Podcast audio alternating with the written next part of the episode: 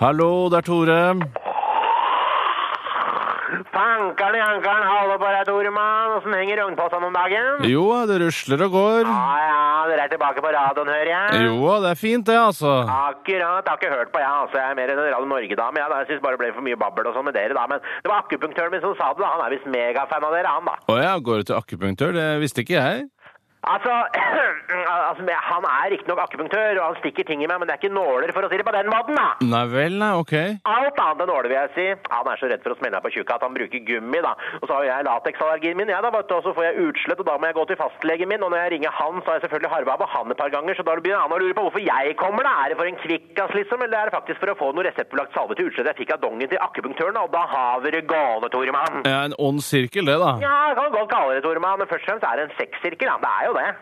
Nei da, jeg har bedt akupunktøren om å kutte ut preventivene, gummimaska og de lange latekshanskene, men nei da, jævla egen type, altså. Jeg tror jeg må dumpe deg, Tore. Akrobat, ja. Ja da. Aha. mhm. Ja vel, ja. Aha, ja ja, sånn går det Ah. dagene. Absolutt. Mm, Ja da. ja da.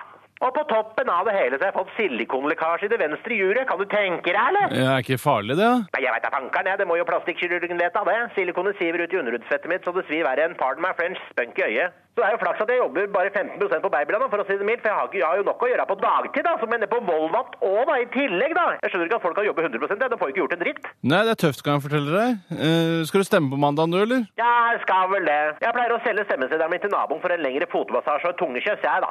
Og han pleier å stemme Frp, så enten så blir det ømme bein og Arbeiderpartiet, eller så blir det silkeføtter, herpes 2 og Frp. Sånn er det. Gi og ta.